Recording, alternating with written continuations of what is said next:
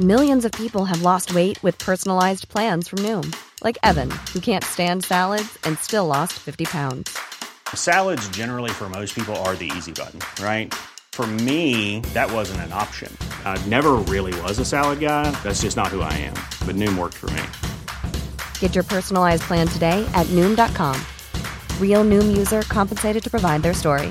In four weeks, the typical Noom user can expect to lose one to two pounds per week. Individual results may vary. It's that time of the year. Your vacation is coming up. You can already hear the beach waves, feel the warm breeze, relax, and think about work. You really, really want it all to work out while you're away. Monday.com gives you and the team that peace of mind. When all work is on one platform and everyone's in sync, things just flow wherever you are. Tap the banner to go to Monday.com.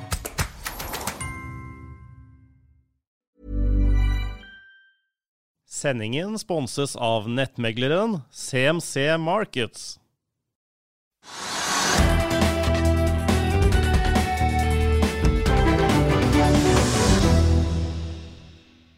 Velkommen til Økonominyhetene julespesial. Vi har med oss to veldig kjente børsmennesker i studio i dag, må man si. Vi har med oss forvalter og finansnestor Jan Petter Sissener fra Sissener, og da sjefstrateg i Sparebank1 Markets Peter Hermanrud. Velkommen til oss. Takk. Dette skal, gå, dette skal gå live i romjulen, men vi, noen, vi, har noen forutsetninger likevel. Opptaket blir gjort 10.12, så vi forholder oss til markedet per 10.12. Vi skal selvfølgelig snakke om store linjer og aksjer som kan leve inn i neste år for det. Eh, er det to som følger børsen veldig tett, så er det vel dere to. Eh, helt til å starte med Er ikke jeg med, jeg også? jo, Trygve, du er med. jeg må fortelle det til lytterne. Beklager, Trygve. Du er selvfølgelig med som ja, Jeg kan delta, altså. Jeg er din sidekick, eller omvendt. Ja. Eh, Oslo Børs er per i dag i hvert fall opp 8% hittil i år, og nesten 14 year to date. Eh, hva har vært de store overraskelsene i året som har gått? Ja. Eh, det begynte vel egentlig i fjor høst, hvor man gikk fra en økende rentebane Eh, og til at det ble en frykt for resesjon, og rentene begynte å falle. Det var vel i desember i fjor, tror jeg det piket rundt 20. desember. Dette tror jeg Petter kan vesentlig datoen vesentlig bedre enn meg. Ja. Så er det jo eh, andre overraskelser, er de stadige tvitringene til eh, Trump. Og han kan det dessverre ikke putte inn i noen regneark. Og da vi trodde vi var på god vei i august, så greide jo Eh, Twitter-kongen og ødelegge den festen ganske kort tid etterpå. Jeg tror New York var opp halvannen prosent og feiret rentekutt. Og så kom man og innførte nye straffetoller fra Kina, og så falt markedet et par-tre prosent. Og så fikk vi en veldig kjedelig august. Men det er dessverre slik at jeg tror den store overraskelsen er tvitringen til Trump. Peter, deler du samme oppfatning? Noen sånne enorme overraskelser ser jeg egentlig ikke. Kanskje den voldsomme boomen i sånne E-aksjer, eller ESG-aksjer, eller sånn et helt nytt tema som plutselig ingen hadde tenkt på, egentlig. Men, men, nå, men nå, har jo hovedindeksen eh, det ender vel rundt sånn 10-12 når året er ferdig. et eller annet sånt. Ja. Uh, hva trodde dere? Altså, hva var konkret hva dere omtrent trodde for, for markedet? Det er vel omtrent det jeg trodde. Vi har jo sånn årlig julelunsj. Og eh, da lovet jeg kundene til, indikerte jeg for kundene at de kunne regne med å få 10% i 2019. Oslo Børs. På Oslo Børs. Oslo Børs. Ja. Og du, Peter? Jeg hadde en nøytral anbefaling. Vi hadde seminaret vårt 4.12. i fjor. og det bare sa at tipper det ble kanskje antagelig greit nok òg, men, eh, men mer nedside, mye mer nedside enn vanlig. Ja. Eh, og i og for seg, altså det, eh, Da trodde du ikke helt på 10 eller 12 ofre? Nei, men, men, det er klart at på det tidspunktet her så fikk jeg jo til under 10 Sånn? Det var jo litt spesielt at, at uh, Vi har jo ikke hatt noen avkastning. De siste halv, ett og et halvt årene har jo vært helt flatt, mer eller mindre. Det har gått litt opp og litt ned. Og hvis du måler avkastning fra 1. desember i fjor, sånn, så har avkastningen vært omtrent null. Hvis du tar fra 1. januar, så er det plutselig veldig bra. Tar du 1. februar, så er det ingenting. Det var jo en voldsom dipp i desember i fjor, som er veldig viktig å huske på. Det har jo ikke vært noe voldsomt stigende marked. Vi hadde jo med oss eh, Ved inngangen av året så snakket nesten alle om at nå kommer det resesjon i USA, vi går inn i et mye tyngre marked. Vi har hørt, hørt folk spå, spå krakk. Mm. Eh, det har ikke kommet noe voldsom krakk. Betyr det at vi liksom er utenfor faresonen, eller betyr det bare at det er mer volatilitet i vente inn i 2020? Jeg, jeg, tror vi, vi er ikke ute av faresonen, men jeg tror at risikoen er mye lavere for et krakk nå enn det var. Eh, og det er bare det at på denne tiden i fjor så var økonomisk vekst i verden på full vei nedover og prisingen høy. Eh, økonomisk vekst fortsetter på full vei nedover, godt utover våren. Og så har det på en måte fra en eller annen gang tidlig på sommeren har det stabilisert seg iallfall, og nå ser vi et tegn på at økonomien begynner å ta seg, kanskje kommer litt opp igjen. Så, så da er på en måte virker den ekle følelsen at vi tåler ikke stort mer nå, for nå har det iallfall stabilisert seg, og det ser ut som det kommer seg litt. Vi er jo på en måte på en topp. da, det er liksom Vi har toppet i Amerika, altså stadig nye all time high. og ja. Børs er veldig høy. Og ja. Man skulle normalt tro at konservative investorer som dere ville si at ok, altså, gidder ikke prøve å få med oss de siste 2-3 prosentene, vi går ut nå. Ja. Jeg er faktisk vesentlig mer optimistisk. Jeg tror vi har en liten Goldilock-situasjon på børsen. Det er det beste av alle verdener. Renten er lav og kommer til å forbli lav. Alternativet til aksjer er nesten ikke-eksisterende. Du kan naturligvis låne pengene dine til Tyskland i ti år og tape 0,4 i året. Jeg tror ikke det er særlig attraktivt for noen. Økonomien er i ferd med å snu, som Petter var inne på. Siste både arbeidsmarkedstall og industriproduksjonstall og disse innkjøpssjefenes indekser tyder på en, i hvert fall en fiskekrokeffekt. Men i Tyskland går det dårlig, veksten er omtrent null. Den er omtrent null. Det, er Tysklands økonomi er ganske viktig i Europa, da. Ja, ja men uh, hva, hva, du kjøper aksjer i dag på 16 ganger earnings, 17 ganger earnings. Renten er minus en halv, minus tre kvart også enkelte steder. Hva trenger du av vekst for at det skal være greit, en grei investering? Du trenger ikke mye vekst, og ørningsnedgang kan du kanskje få, men vi tror jo da at økonomien er i ferd med å snu seg. Nå har konsumentene drevet oppgangen de siste årene, og nå tror vi da industrien kommer til å begynne å investere. Er du like optimistisk, Petter? Nei, altså jeg synes at, som jeg sa, at risikoen for en stor nedtur er mye lavere. Men, men samtidig syns jeg det er såkalt unexciting. Altså det, det er uvanlig lite oppside, mener jeg. Og det er tilbake til det du sa. at oppsiden er stor når det går dårlig mange steder. Det er veldig mye, og du kommer i gang igjen når det er mye å gå på. Men i dag så har du egentlig veldig lite å gå på. Det er Alle man har jobb allerede. Du kan ikke få En lang oppgangsperiode er jo når folk kommer tilbake i arbeid. Det kan ikke du få. En lang oppgangsperiode når investeringene er bråstoppet, og så kommer i gang igjen. Men det kan du ikke få. Det, for egentlig, det er ikke så mye oppsiden noen av stedene. Og Da er det litt mer at det kan bli greit. Hvis ikke noe galt, så blir det helt greit. Men fantastisk blir det. Men det, det er som ledigheten i USA er den laveste på 50 år år, ja. altså 3,5. Mm. Altså, ja, hvor langt kan det gå i USA, liksom? Hvor langt kan Trump presse det igjennom? Det er, må jo se, altså Arbeidsledighet er ett tall, yrkesdeltakelse er et annet. Og yrkesdeltakelsen i USA er ikke så høy at det ikke finnes eh, hva kan si, reserve, reserver der. Jeg sier ikke at det blir et veldig exciting år til neste år, men jeg tror vi er i en veldig positiv fase av markedet. Og, og, jeg tror det som vi kaller TINA, det er ikke noe alternativ til aksjer. Og, eller eh, å kjøpe avkastning på fornuftige priser.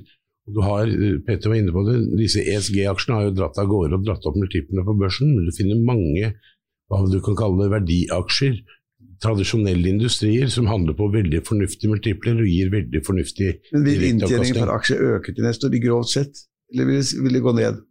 Estimatene varierer jo, men vil jo gå ned, vil gå ned ca. 3 er vel estimatet.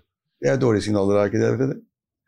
Jo, altså, altså jo, det er, altså det, Problemet er litt som uh, Jan Petter sier, at det, det, er ikke så mange gode alternativer. Jeg syns ikke det er noe spennende. Altså, hvis jeg går tilbake og ser når skal du kjøpe aksjer, når har det vært viktig å ha aksjer, så er det ikke i sånne situasjoner som dette her. Men du har egentlig, som du sier, det er ikke så mye annet å gå etter, og risikoen er moderat, og da skal du ha en god del aksjer. Når det gjelder inntjening i selskapene, så er det jo altså, Jeg tror kanskje Jan Petter får rett. altså Analytikerne sier jo at 2020 blir fantastisk mye bedre enn 2019. Men jeg har jo ingen tro på det personlig. altså Jeg kan ikke se noe logikk i det. Altså. Etterspørselen, Oljeprisen er ikke høy. Etterspørselen vokser dårlig overalt. Eh, det skal skje mye for at det skal bli et veldig godt inntjeningsår i 2020. altså. Ja, og du er, jo, du er, jo, eksponenten for å ha vært kjempeflink med å få frem da for de som ikke så, driver veldig selv, analyserer selv, da, det, hvordan pris bok skal være. Ja. Og nå er pris bok høy. Ja. Det er over to eller to eller tre. Eller hva er den, Peter? Så vidt over to. Litt 2,03. Altså. I, I gamle dager sa Peter alltid at man aldri skulle kjøpe noe hvis ikke da pris bok var ned på 1,2 eller 1,3. Og det var det hvis du virkelig skulle gjøre de gode klippene, det. Ja, ja. Dessverre så får ikke du de sjansene så mye, men, eh, for det er veldig sjelden. Stort sett skal du heldigvis Du skal jo stort sett ha aksjer, men det er mye morsommere å kjøpe det på 1,5 og på 2. Men du finner jo mange aksjer du kan kjøpe på 1,2 og 1,3. Det stemmer. Du kan kjøpe Norske Bank på 1,1 hvis du ikke er redd for uh, hvitvasking og Norske Bank, det er, ikke, er det en ny bank? Nei, DNB. DNB. Ja. Trygve, da. Er du helt Jeg, jeg skjønte det, da. ja, Jeg var litt usikker på om han har blitt uh, presenil, men det, Nei. DNB har god multiple. Hvilke andre aksjer kan uh... Hydro er billig på prisbok. Uh, Hvilken sa du? Hydro? Ja, Hydro. Ja. Uh, jeg vet, jeg husker jeg ikke alle disse. Men du, Hydro har vært overvurdert nå i flere år. altså Den kommer ikke over 30 kroner. Ja, den ligger og dasser over 30, da. Ja, da, men det er rundt 30 jeg sier ikke at du skal kjøpe Hydro, men du har mange aksjer som er er priset bortimot på bok. Men er- Men, men Hydro har jo alle, vært an, alle anbefalt nå i flere år. og det er jo, For det første har de drevet dyrt, og så har de problemer i Brasil, og så er det aluminiumsprisen som faller istedenfor å stige og sånn. Og kan anbefale Hydro nå. Jeg gjør ikke heller det. Nei, det sa han helt Jeg- tydelig. jeg sa- Han bare sa den var Det sier at det finnes mange aksjer som handler bortimot på prisbok. Ja, det er. Én. Det var det jeg prøvde å si.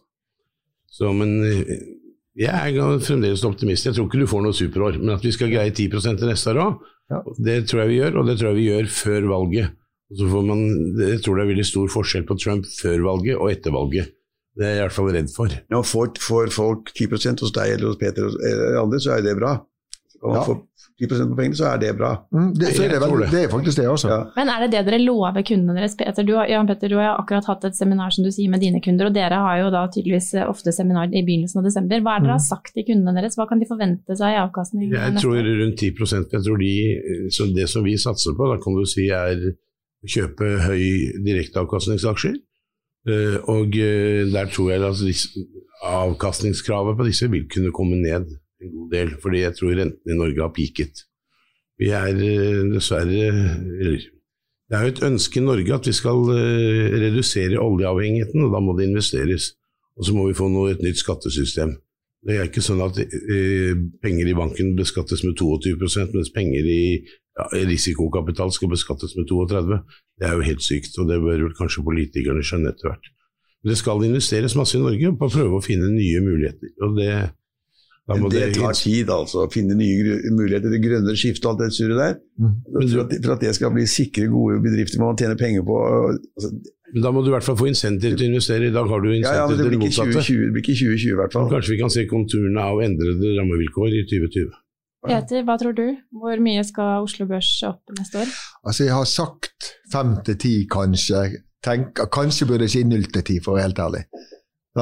Altså, det er jo, og vi vet at svingningene er store, men, men eh, jeg er vanskelig å få tro på noe veldig, veldig bra, og jeg tror ikke det er så mye risiko for det blir noe særlig under null, iallfall. Men, men begge dere er, synes jeg er ganske interessante, for dere, setter jo også det egne penger i virksomheten. Altså, Mm. der hvor det anbefales, så er dere selv, Petter, Mm. Jan Petter, og du er det.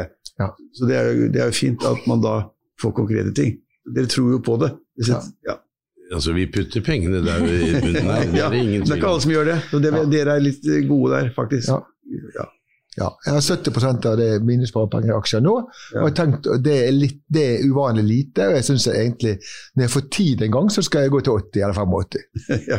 Men det er jo litt spennende, fordi at eh, Jan Petter, jeg vet at du har lansert eh, nyttårsrakettene veldig tidlig i år. Betyr det at eh, du hele, eh, vil gjerne ha med deg hele oppgangen som kan komme, eller er det fordi at dere kommer tidlig, slipper porteføljen tidlig i måneden? Nei, altså, det var ikke ment som noen nyttårsraketter. Det var litt fremprovosert av en nærværende journalist som ikke hadde tenkt på. Men det er de samme aksjene som jeg anbefaler kundene nå. Jeg har jo en liten seanse på denne, dette seminaret som vi kaller Penger på bakken. Uh, og det er det ikke mange av i år. Eh, Det har vært det, og de har vært veldig heldige, de som har fulgt de der uh, rådene. Men Jeg vet du har nevnt Selvåg bolig tidligere, du har også nevnt Europris. Er dette fortsatt penger på gaten, eller? Nei, det er ikke det. Selvåg er greit priset, men greit til fullt priset. Litt avhengig av hva man tror om uh, tomteprisene eller eiendomsprisene fremover. Uh, Europris tror jeg fremdeles er eh, i, i godt momentum oppover. Selvåg er vel kanskje verdt 70 kroner med normale konservative forutsetninger. Kursen er 64, ikke noe helt spesielt. Ja, Men nå har de kvittet seg med tomtebanken? Nei, De har jo ikke det. fordi at det de egentlig har gjort, er en sånn slags sale leaseback. Ja, ja, men de, de solgte det for 3-4 milliarder kroner. Sånn, så deler du penger til aksjonærene, men så har de jo garantert kjøperne minst gitt minimumsavkastning på 5 ja, men det, de, de, i året. De gjenværende selskapene blir vel ikke like spennende uten tomtebanken? Altså, Noe av marginen deres har vært det, men nå blir det jo eh, Si, de er jo eksponert mot den samme tomtebanken, fordi de har garantert kjøperne 5 pro anno, tror jeg det er, i fire år. Og det vil si at ja, de har solgt, men de er jo fremdeles avhengig av at det finnes merverdier der. Men det, det, det, men, en, liten, nei, en liten ting, det er Petter Hermanrud som har egentlig stått bak disse nyttårsrakettene. Og så øh, har fremdeles en portefølje. Eller du fant vel ut av det egentlig at når du hadde laget en portefølje, og den virket i mange år, så prøvde alle, alle investorer å ligge i forkant, og så var det ikke så gøy lenger. Stemmer. Altså, jeg hadde den vel i ti år, det virket fantastisk, men så så jeg at på en måte alle, Det var ganske forutsigbart etter hvert hva jeg gjorde og hvordan jeg gjorde det. Ja. Og så begynte alle andre, flere andre meglere å gjøre akkurat det samme. Og så prøvde alle å komme først. Ja. Og da blir liksom effekten ingenting. Sant? Så blir det du skal kjøpe noen raketter for at andre skal kjøpe raketter for at mine raketter skal få kursene opp. Det, det går ikke. Det kunne liksom. ikke gå. Nei. Så da får vi heller se. Kanskje blir det. Kanskje finner en annen twist eh, ja. plutselig. Ja, men så, ja, nå, nå har vi han jo her, og dette som blir sagt i dag, det er hemmelig helt frem til romjulen. Så det er vel den beste anledningen til å lansere de, de tingene ingen vet om. Jo, men Poenget er vel kanskje at ikke, Peter ikke tror på raketter lenger. Og, det, og Jan Petter sier også det at raketter, det, altså det, mm. det tror vi ikke på. Nei, Det er ikke lett å finne penger på gaten uh, nå, men uh, jeg tror jo det er Hvis du tar de store internasjonale oljeselskapene, sånn som Royal Dutch eller BP eller noe sånt, så er det aksjer som gir 6-7-8% de I tillegg kjøper de tilbake egne aksjer og handler på en PE på 10-12. Og jeg tror verden undervurderer behovet for, for uh, olje også langt inn i dette århundret, og sikkert inn i neste århundre også.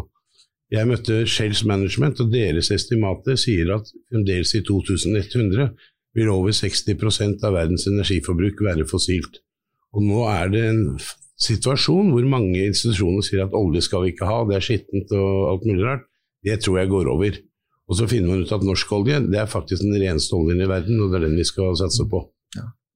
Jeg tror litt forskjellig, men samme lignende konklusjon. Altså jeg tror, og Det som skjer foreløpig, er jo at veldig mange investorer sier vi skal ikke eie fossilt. Den trenden er akselererende, og det betyr at det er veldig mange som selger seg ut. Og du ser jo nå at oljeaksjer gjør det mye dårligere enn oljeprisen skulle tilsi.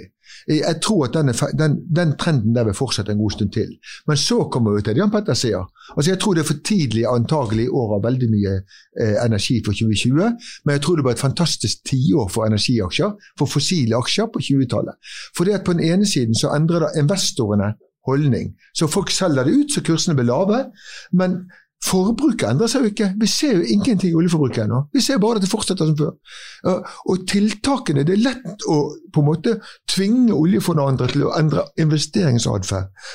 Men det er vanskelig å tvinge folk til å kjøre mindre bil. Vi ser jo de landene som har prøvd å innføre eh, fri markedspris, litt dyrere bensinpris, så er det jo opptøyer i gatene. Både i Frankrike og i Ecuador og Iran og sånne ting. Eh, så det er vanskelig å få folk til å legge inn. Vi tror her i Norge at folk skal begynne å kjøre elbil, eh, for det er så billig og bra. og alt det. Gjør ikke alle det, da? Sånn, Ja, I Norge gjør de det, og ingen andre steder. For Du kan ikke tvinge folk til å kjøpe en bil som er 50% dyrere. Og Så kan du selvfølgelig subsidiere en bil 50% dyrere, men da må du ha et oljefond. Og det oljefondet er det bare Norge som har. Så jeg, så jeg tror ikke at du klarer Det tar lang tid å endre atferd. Oljeforbruket fortsetter å vokse. Oljeselskapene stopper å investere omtrent. Eh, og så blir det bare for lite olje utover på 2020-tallet. Eh, så blir det mangel på olje og mye høyere oljepris, tror jeg. Jeg er helt enig. Ja. ja, da er vi enige om det. Og hvis vi da sitter for tidlig ute, så, så, er det sånn Petter, at i mellomtiden så sitter jeg for 8 direkteavkastning på mine Royal ja. Dutch-aksjer, og de kjøper tilbake noen aksjer, så verdiene stiger. Men risiko, du har risikoelementet er det at hvis da vi ikke hadde fått disse produksjonskuttene i OPEC og i Russland osv., så, videre, så kunne oljeprisen falle til 40 dollar på fat. Sånn så, det er en risiko. Og så har du potensialet. Elizabeth Warren vinner, vinner presidentvalget i USA, så stenger de ned all oljeproduksjon. og da skal jeg love deg da. I'll see you in court. Vi sier det ofte litt på spøk, men for deg som driver business, er det aldri moro å innse at du ikke har laget en 100% gyldig kontrakt. Du bør ikke risikere hele firmaet ditt fordi du synes dette med kontrakter er litt stress. En avtale er ikke en avtale. Du kan miste kunder, miste venner, ja, til og med miste inntekter om du ikke lager en skikkelig kontrakt, på alt mulig, egentlig. Men vi vet det er et styr. Kopimaskiner, tregprinter og haugevis av papir. Dessuten stoler vi jo på folk her i landet. Det er ofte litt kleint å skulle be om en signatur for alt mulig, ja, for mye av styret handler også om jakten på underskriften. Det finnes en enkel måte å løse dette på, Dukkobit, en trygg, effektiv og get this, gratis måte å sikre seg en god natts søvn pluss en juridisk bindende avtale. Dukkobit-appen har de strengeste sikkerhetskrav i bunn, samt en EU-godkjent og sertifisert teknologi. Framover vil det bli behagelig å spørre du, skal vi skrive under på det, eller? Kom i gang på dokobit.no. Det kommer jo ikke til å skje. Men da, da, da, har du oljepris på et par hundre ja, da, men det er, det er, kanskje en av de beste konsulentene i verden har sagt at de hadde uten produksjonskutt, så ville prisen sannsynligvis i løpet av et år eller to falle til 40 dollar per fat. Ja. Altså for min del så er det, og det, og det er klart at Hvis du tror at produktet kan falle i pris fra 61 mm. dollar per fat til 40 Mm. så bør man være forsiktig med å kjøpe ja. det selskapet. Altså, det, det, er et par grunner til at man kanskje skal vente. Det er et par grunner til at vi kanskje skal vente et år til. Det ene er at det er så mange som skal selge seg ut av de aksjene. Og det andre er at 2020 er det siste året hvor det kommer veldig mye ny kapasitet fra nye oljefelt. Det er de siste feltene som var vedtatt før oljeprisen kollapset i 2014. Eh, de kommer nå for alvor inn i markedet. Så kanskje er det for tidlig. Kanskje prøver jeg å være altfor smart, og Jan Petter har rett i at du skal sitte med dem nå, og ikke prøve å finne akkurat bunnen om et år. Jan Petter tror heller ikke at det er lurt å sitte med aksjen hvis, hvis oljeprisen skulle falle til 40 dollar eller 30 men, det, det, det kan du ikke mene? Nei, det gjør jeg ikke. Men er det et sted du ikke skal sitte, da er det jo i Norge. Eh, for at eh, den norske økonomien vil jo virkelig lide hvis oljeprisen falt til 30 dollar. Ja, eller 40. Eller 40. Som da Rystad har sagt. Mm. Og Det er de som tar den største biting, men klart aksjonærene vil også ta biting. Men med det dere vet i dag og det året vi skal inn i, Peter, tre favorittaksjer? Eh, Yara. Skal du ha begrunnelse også? Ja. det har vi tid til her. altså, Jarra fordi at det markedet punkt nummer én er et marked, et syklisk marked hvor det ikke er tilbudsvekst. Så det strammer seg gradvis til. Markedet kommer til, Siden det ikke er noe tilbudsvekst, så kommer vi til å trenge gradvis mer kinesisk eh, gjødsel, urea, og da må prisen gradvis opp. Så det, det er det ene. Det andre er at Jarre i forhold til konkurrentene Hvorfor faller prisen nå? Eh, fordi at gasskostnadene kommer til blant annet. Men det er jo bare, hvis både kostnader og inntekter faller, så gjør ikke det noe. Sånn? Underliggende iallfall de ti største aksjene på børsen den, det som er best inntjeningsmomentum. Der hvor det faktisk går mye bedre nå enn for et år siden. Og det kommer til å være det samme om et år. Det kommer til å gå bedre. Ja, det hakker opp og ned. Men, men det med fallende gasskostnader er ekstremt viktig. Ok, eh, så faller prisen også, men for Yara så faller gasskostnaden mer enn for konkurrentene. Fordi at Yara har veldig mye kostnader i Europa. Der har gasskosten virkelig falt. Til ulempe for Equinor, men til fordel for Yara.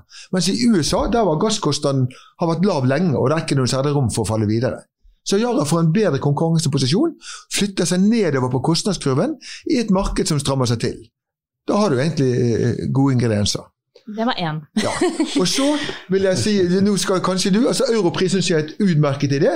Kanskje skal du ha Kid istedenfor, men disse retail-aksjene som fortsatt prises som det er kjemperisiko, eh, syns jeg er veldig attraktive begge to, egentlig. Og jeg vet ikke helt hvilken jeg vil ha. Kid, Kid har jo en sånn superseriøs konservativ eier også. Ja. ja.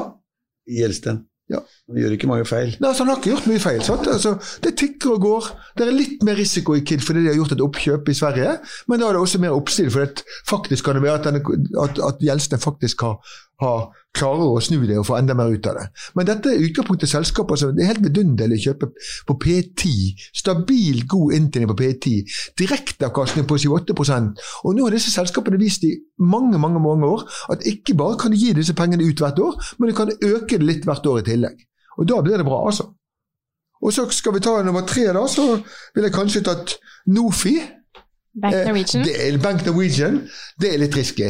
Det er litt risky. De begynte å tape masse penger? Nei, de tjener rått med penger. Ja, de har begynt å tape engasjementene sine, hører jeg riktig. Ja, de taper. Ja, men de har, de har jo risikolån. De, taper, de tar tap, men det er klart at de har en kjempemargin. Og selvfølgelig, hadde DNB hatt samme tapsprosent som Bank Norwegian, så hadde det etter hvert gått kok. Ja. Men Bank Norwegian har jo en rentemargin som er Hva er den for noe, da? Åtte-ti ganger så høy som DNB. Og på den rentemarginen så tåler du faktisk ganske mye tap. De tjener enormt med penger, kjempelønnsom. De er mye bedre margin enn konkurrentene. Vokser fortsatt, selv om lånet i Norge faller litt, så vokser det mye andre steder. Og For det første tror jeg at det er en kjempeplattform for vekst utover Europa. For det andre så, så tror jeg at det er et oppkjøpscase. De, kjøpte, de, to som kjøpte opp Nordax i Sverige, har begynt å posisjonere seg i Bank Norwegian, og, og før eller siden skal de ha resten, tror jeg. Men er det ikke utrolig tøff konkurranse på banksektoren? da? En ny bank hver uke? Det er kjempe Som sagt, det er fantastisk lønnsomhet på konsumlån.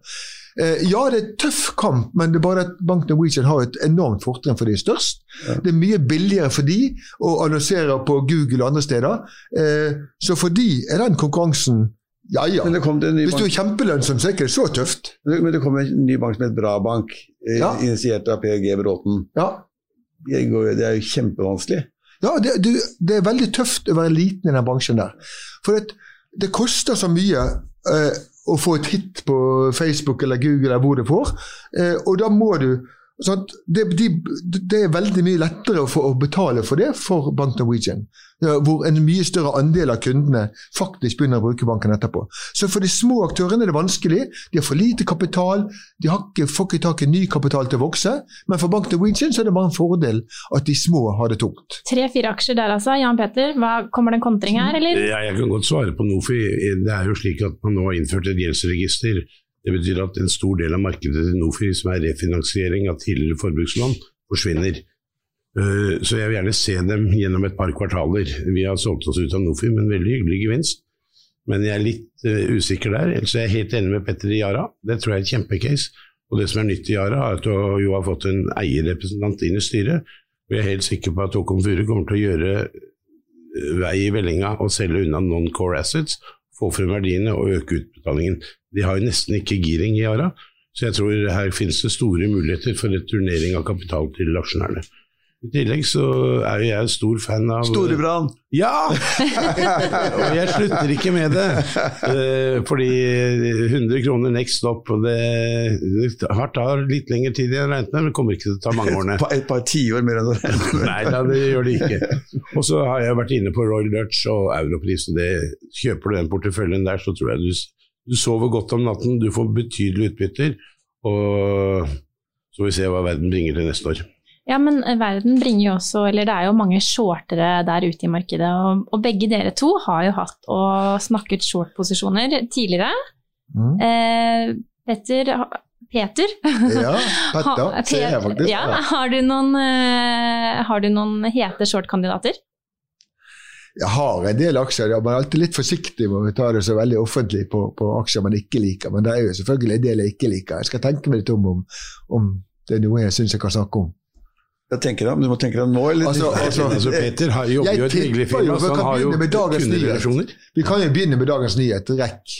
Jeg tror jo ikke at altså, Jeg forstår jo at Aker Capital prøver, men jeg tror ikke de får noe særlig ut av det.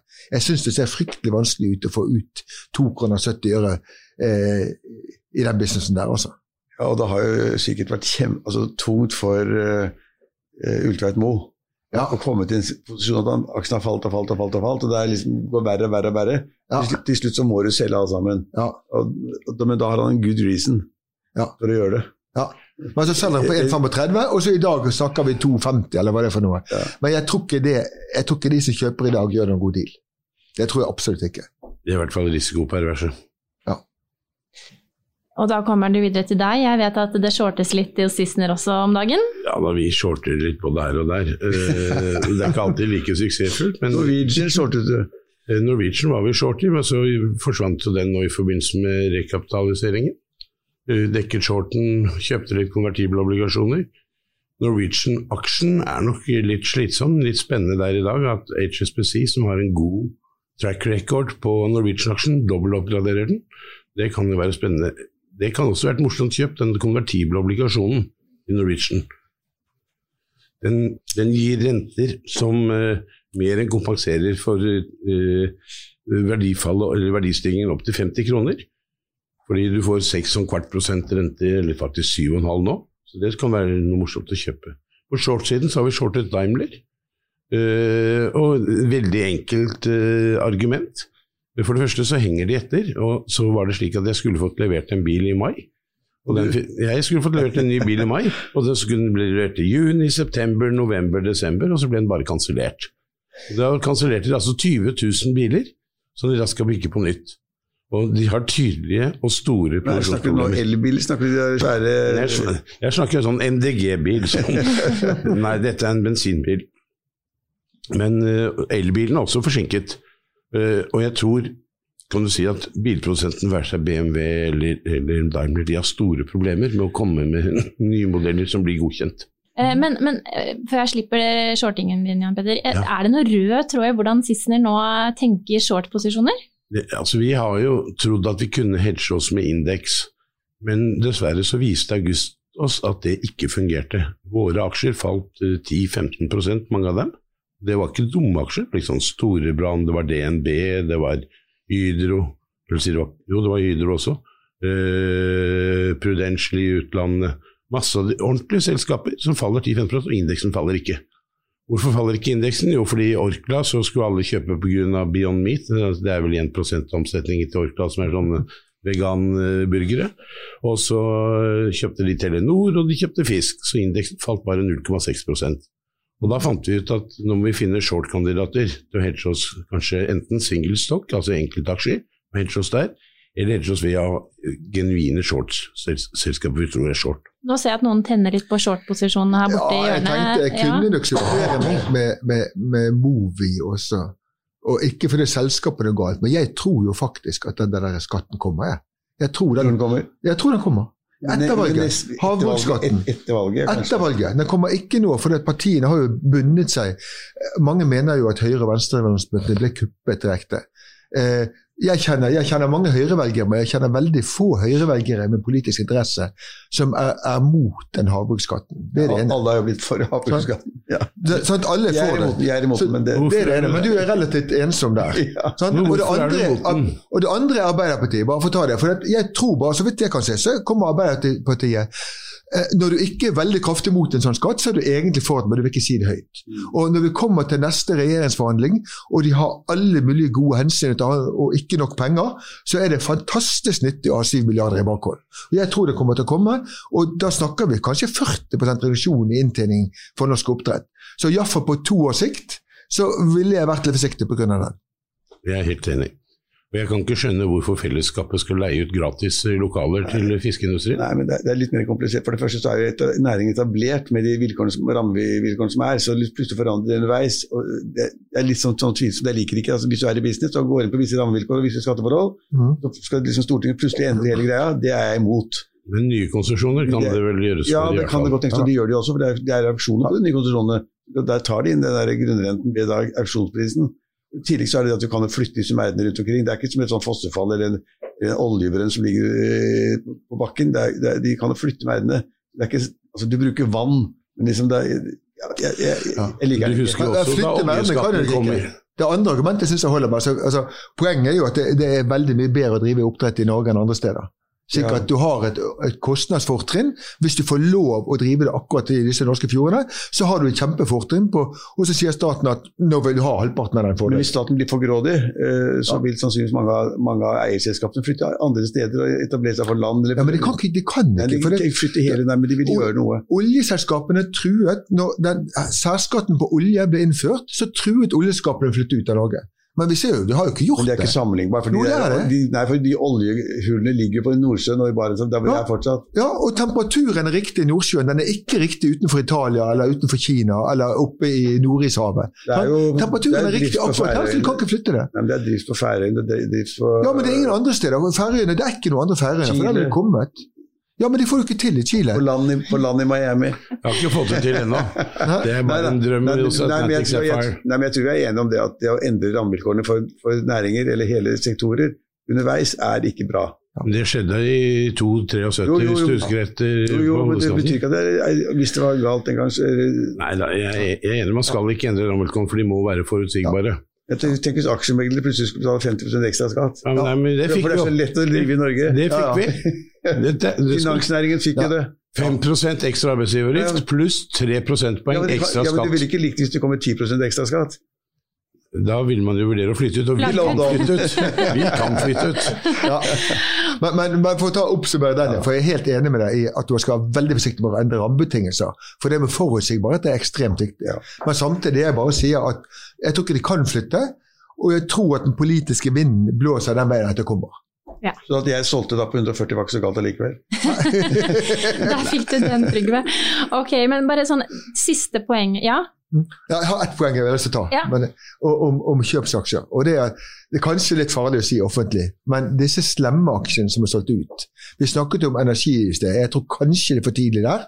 Men andre slemme aksjer som folk ikke har lyst til å ha, eh, gambling, porno, røyking, hele gjengen der. Jeg tror veldig mye av det bli, kommer til å bli bra neste år altså gambling. Eh, for de som ikke har skrupler med å kjøpe det, av, av moralske grunner, så tror jeg nå at det salget det har kommet for langt ned. Det blir, for, det blir for fristende. Og jeg tror kursene kommer til å snu igjen. Så hvis du da skal posisjonere deg opp i andel aksjer, så blir det kanskje det fremfor ESG, eller blir det likevel litt ESG? Spørsmålet er, Jeg syns jeg kan kjøpe en del av de tingene der, men, eh, men ja, heller. Han, han kanskje vil gjerne ha pornoaksjene. Nei, det vil, det vil, ikke dere ha, det tror jeg ikke noe på. Men hvis du ser på ESG-aksjer, det er faktisk et vesentlig poeng. Det er en enorm flow of funds inn til ESG-aksjer. Og det er veldig begrenset tilbudsside av ESG-aksjer. Det har medført at du har et valuation, verdivurderingsgap på rundt 60-70% på ESG-aksjer relativt til de slemme aksjene. Og kanskje på et eller annet tidspunkt så er det på tide å lage et slemt fond fordi eh, det er mye verdi bare, bare porno, våpen og tobakk Porno, våpen Olje, gass Olje, gass, gruvevirksomhet ja. Altså, du ser jo verden altså Alle disse tingene. Hver eneste sektor jeg vet at noen har solgt pga. ESG, har gjort det veldig dårlig de siste to årene. Mm -hmm. Uansett hva som har skjedd med selskaper og inntjening og alt sammen. Da, da blir det de store utslag, altså. Ok, Helt til slutt, er det noen som har noen spesielle ønsker for hva som skal ligge under juletreet i år? En ny generasjon politikere. kan du gi meg det? Det som, det som Den, den kommer iallfall ikke da. Den kommer ikke. Nei, den julenissen kommer nok ikke. Men vi skal inn i en endringsfase. Så skal vi diskutere om vi skal legge ned oljevirksomheten om ti år eller om 100 år. Det er ikke så viktig. Men oljeavhengigheten i Norge må, skal reduseres. Kan ikke da politikerne begynne å legge rammevilkårene til rette for vi skal finne nye næringer, nye industrier i et av det landet i verden som det er dyrest å drive? Ikke glem at Norge, en stakkars norsk skattebetaler, drar på tre ganger så stor kostnad som svensken hva gjelder offentlige utgifter per capita. Selskapsskatten er jo bare på 22 da. Det har vært ned fra 29 til 22. Ja, ja men også utbyttes, utbytte, Du må jo se på utbytteskatt og formuesskatt også. Ja, ja jeg, jeg, ser på det hver dag, jeg. Ja, takk. Og, og offentlig forbruk. Og bare tenk deg, altså, Å drive AS Norge koster tre ganger så mye per capita som det koster å drive Sverige. Det koster fem ganger så mye per capita som å drive Finland. Da må vi nesten få høre din ja. julegave, Petter. Ja, punkt nummer én jeg kunne godt tenke meg bedre politikere, men samtidig så innser jeg at, at det kanskje er godt nok det vi har. For det, de fleste andre land har, har, det verre enn oss, tross alt. Ja, det, og, så tross alt det er ganske godt styrt dette landet. Og så er jeg litt bekymret for om vi fortsatt kan si det samme om to år etter neste valg. For da kommer det noe nytt. Å, herregud. Om to år får vi en ny ja, rød regjering. Da får du arveavgift, og du får ja. formuesskatt, og du Alt blir verre for dere som ja. forvaltere og det, investorene deres. Mm. Alt ja, blir verre det, det, Da får vi se hva vi gjør da. Men jeg har et lite håp. Nei, det er ikke lenge til 21. Jeg, har et lite håp, Trygve, og det at de sentrumskameratene finner sammen igjen. Ja. Og så et lite, et ekte juleønske. En innendørs spinningsykkel. Uh, en såkalt kicker, for å si et sånn product placement her. Yes. Det håper jeg kan få. Skal du få det fra kona di? På Akona mi, ja. ja. Men, så kan jeg trene mens jeg ser på TV. Det kan hende vi må sende ut det julegavetipset før vi går live med denne podkasten. Men tusen takk for at dere ble med og feire litt romjul med oss. Mm. Og så må vi ønske dere en gledelig jul. Takk for det.